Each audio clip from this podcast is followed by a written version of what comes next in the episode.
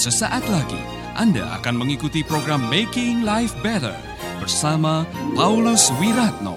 Selama 15 menit ke depan, Anda akan belajar membuat kehidupan lebih baik.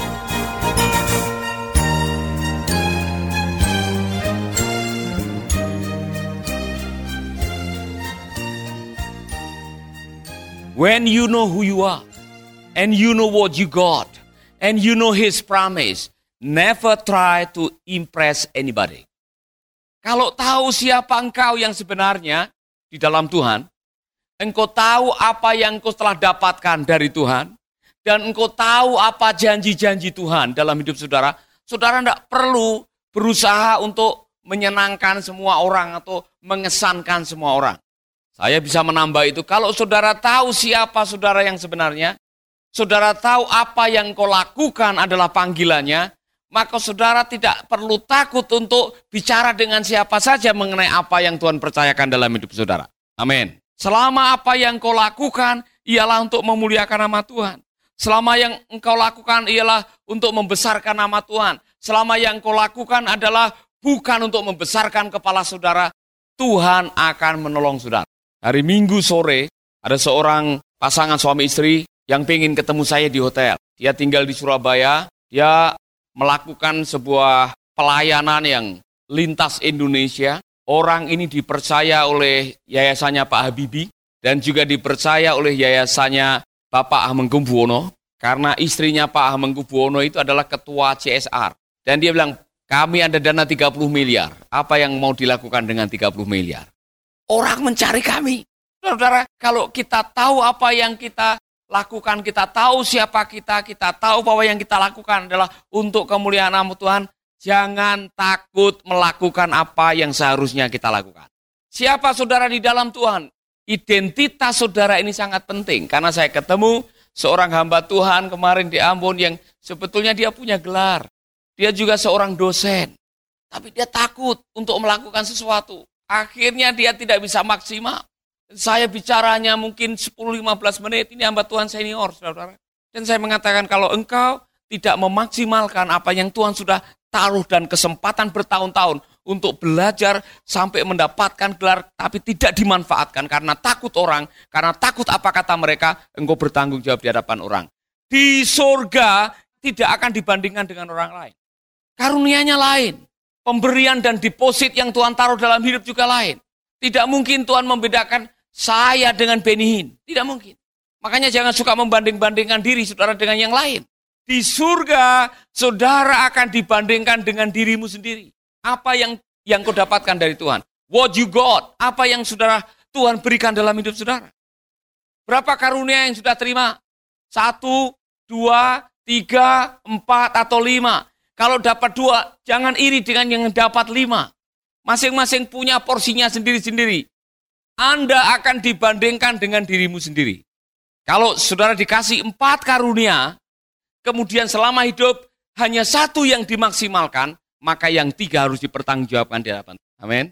Kalau saudara mendengar bahwa kita tidak akan dibandingkan dengan yang lain, maka saudara-saudara, kita ini berurusan dengan Tuhan, masing-masing akan mempertanggungjawabkan diri kita di hadapan Tuhan. Saudara tidak akan mempertanggungjawabkan karunia orang lain. Saudara mempertanggungjawabkan karuniamu. Sudah maksimal atau belum? Kalau apa yang kau lakukan hanya untuk menyenangkan diri sendiri dan tidak memaksimalkan apa yang Tuhan depositkan dalam hidup saudara, suatu saat saudara akan menyesal. Ingat baik-baik rumusan sukses.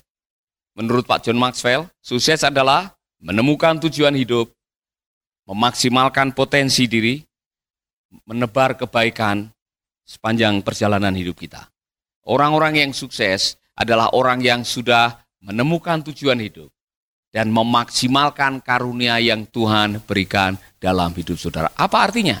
Kalau memang karuniamu adalah seorang penyanyi, seorang worshiper, seorang pemimpin ibadah, lakukanlah dengan maksimal.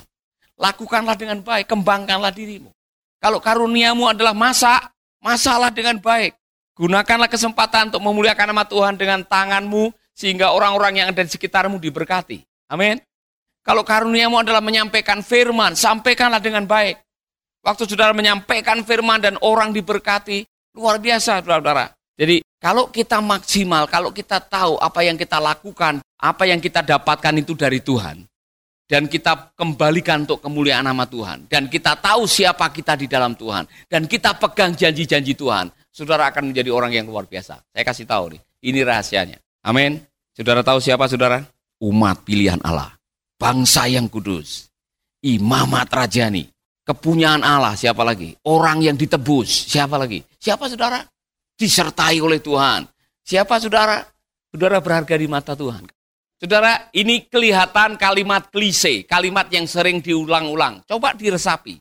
Berharga di mata Tuhan. Kalau di mata Tuhan aja, saudara sudah berharga tanpa barang-barang berharga. Kalau harga saudara ditentukan oleh emas, perak, dan permata, kemungkinan di antara saudara akan lahir, waktu lahir pegang gelang, pegang kalung, pegang cincin, atau menggenggam emas atau batu akik dari bacan. Ada yang waktu lahir memegang sesuatu. Anda masih bersama Paulus Wiratno di Making Life Better.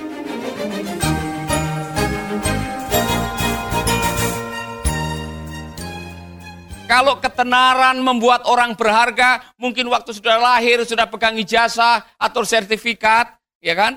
Atau diploma, atau gelar, atau medali. Tapi kita berharga di mata Tuhan bukan karena semua yang kita miliki, karena Anda diciptakan oleh Allah yang luar biasa. Saya mengulangi lagi, saudara yang lain sudah tahu. Allah menciptakan saudara bukan Allah butuh saudara. Dengar? Allah menciptakan saudara karena Allah menginginkan. You are wanted, not needed. Saya diinginkan. Allah menciptakan saudara bukan karena Allah butuh saudara. Allah itu maha cukup segalanya. Dia tidak perlu saudara. Amin. Tetapi Allah menginginkan saudara. Yang cewek-cewek tahu mana lebih baik diperlukan atau diinginkan. Di hadapan Allah, Allah menginginkan saudara. Kenapa? Kenapa Allah menginginkan saudara? Karena Allah perlu objek untuk menyatakan kasih setianya. Karena kasih itu selalu perlu objek. Amin. Saya ulangi lagi, Allah sebetulnya pada hari pertama sampai hari kelima sudah menciptakan semua. Bulan, matahari, bintang, binatang di laut yang merayap, tumbuh-tumbuhan, semua ada. Semua binatang ada. Dan pada waktu semua sudah diciptakan, Allah masih merasa mereka tidak bisa menerima objek kasih Allah sehingga bisa diajak berhubungan dalam arti relationship dan mengekspresikan kasihnya. Tidak bisa. Karena itu binatang atau benda mati. Maka Allah menciptakan makhluk yang lain. Bukan alien. Allah menciptakan makhluk yang memiliki DNA. Segambar dengan dia. Kenapa segambar dengan dia? Supaya bisa mengekspresikan kasih sayangnya. Maka diciptakan Adam dan Hawa. Diciptakan Adam dulu. Ya kan? Adam dulu diciptakan. Saya kurang tahu berapa tahun dia diciptakan tanpa Hawa. Tetapi Allah menyadari pada waktu dia mengekspresikan kasihnya kepada Adam. Jadi Adam adalah manusia pertama yang menjadi ekspresi objek kasih Allah karena kasih itu perlu objek. Ditolak cintanya itu menyakitkan. Kenapa? Karena cinta itu perlu objek penerima. Tidak ada gunanya Anda punya cinta segudang, tapi kalau tidak ada satupun orang yang bisa menerima, tidak ada gunanya. Kalau saudara akan menderita. Begini, Allah sudah menemukan objek, namanya Adam. Tapi Adam yang menerima kasih Allah, dia juga perlu objek untuk menyalurkan kasihnya. Tidak mungkin dikasih zebra atau kera atau kucing, ular yang ada di Taman Eden. Dia belum menemukan. Allah tahu, hei Adam juga perlu. Maka diciptakanlah wanita dan itu yang sepadan juga dengan dia supaya bisa menjadi objek kasih setianya. Maka diciptakanlah Hawa. Itulah sebabnya yang namanya kasih Allah itu begitu luar biasa. Kita dikasih oleh Allah karena Allah ingin menjadi objek kasih setianya. Dengar baik-baik, ini luar biasa. Pewahyuan ini luar biasa. Sayang sekali dosa membuat hubungan itu terhenti. Dosa menjadi penghambat di mana kasih itu susah untuk terhubung, ya kan? Dosa membuat manusia tidak bisa terhubung dengan Allah atau Allah tidak bisa menghubungi atau terhubung dengan manusia. Padahal cinta itu membutuhkan hubungan. Siapa yang jatuh cinta di sini? Saudara pengen terus terhubung dengan orang itu ya kan? Saudara selalu pengen dekat-dekat dengan orang itu. Saudara pengen dekat-dekat bergandengan tangan dengan orang. Mungkin mau memeluk orang yang saudara cintai. Karena dosa hubungan manusia dengan Allah terhalang. Apa yang dilakukan karena Allah mengasihi saudara dan masih membutuhkan saudara sebagai objek. Ingin menjadi objek yang terus menerus. Yang bisa menerima kasih Allah karena kasih Allah tidak terbatas. Maka dia datang sendiri dalam diri Yesus Kristus untuk mengembalikan saudara. Mengembalikan hubungan itu supaya saudara masih bisa menyebut apa ya Bapak. Karena kasih perlu objek. Dan objek itu terus menerus. Amin. Oh saudara suatu saat akan mati, tapi jangan takut karena saudara nanti akan dijemput kembali. Bahkan sebelum itu dia berjanji, aku menyertai kamu senantiasa. Kenapa? Bukan karena dia memerlukan pertolongan saudara, bukan karena dia ingin saudara. Saudara paham itu ya? Ini luar biasa pewahyuan ini. Bahkan ujung-ujungnya nanti kita akan bersama dengan dia selama-lamanya. Dia datang menjemput kita karena apa? Anda adalah objek kasih Allah. Jadi tanpa harta, tanpa tahta, tanpa permata, Anda sudah dikasihi oleh Allah.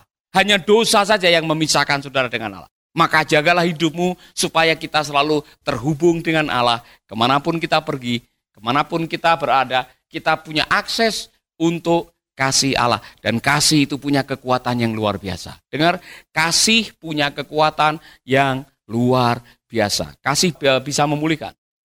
Kasih bisa membuat Anda semangat menjalani kehidupan. Kasih bisa membuat Anda berkorban apa saja demi kasih sayang. Amin. Siapa yang waktu pacaran korban apa saja demi orang yang Anda cintai? Cuman begini saudara, saudara yang sudah mencintai seseorang dan belajar mencintai seseorang, cinta ini juga rawan. Cinta bisa membuat semangat hidup. Cinta bisa membuat orang berbahagia dalam hidup. Cinta membuat orang bersemangat dalam hidup. Tapi cinta juga yang sudah membunuh banyak orang. Katanya berapa banyak orang yang stres, depresi, sampai gila, bahkan bunuh diri karena putus cinta, terlalu banyak juga. Oleh karena itu, jangan sampai Anda merasa seperti tertolak oleh karena saudara membutuhkan cinta. Kalau engkau sudah merasakan cinta dari Allah yang luar biasa, Kemudian kok sampai hari ini belum menemukan objek cinta. Allah pasti punya waktu yang tepat buat saudara. Karena Allah mencintai saudara. Allah tidak ingin melihat saudara menderita. Dia pasti punya orang yang tepat yang akan dikirim dalam hidup saudara untuk menjadi objek cinta saudara. Amin. Bahkan Allah melakukan segala macam cara untuk membuat saudara bahagia.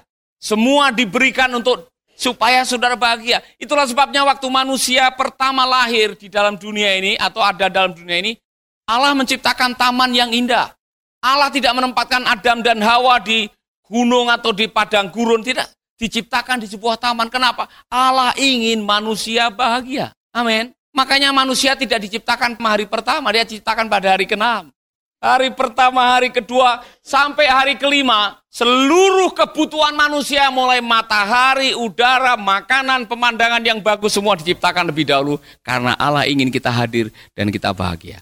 Oleh karena itu, bersyukurlah kepada Tuhan dan nikmatilah kasihnya setiap hari. Bisa merasakan kasih Tuhan? Amin. Orang yang penuh cinta dan bisa menerima siapa dia, dia dicintai oleh Allah. Saudara tahu, saudara dicintai oleh Allah dan janjinya begitu banyak bahwa dia akan memperhatikan saudara. Saudara tidak perlu mengesankan setiap orang dan takut dengan orang. Amin.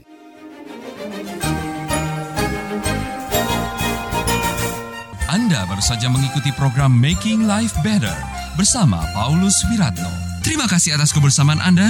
Tuhan memberkati.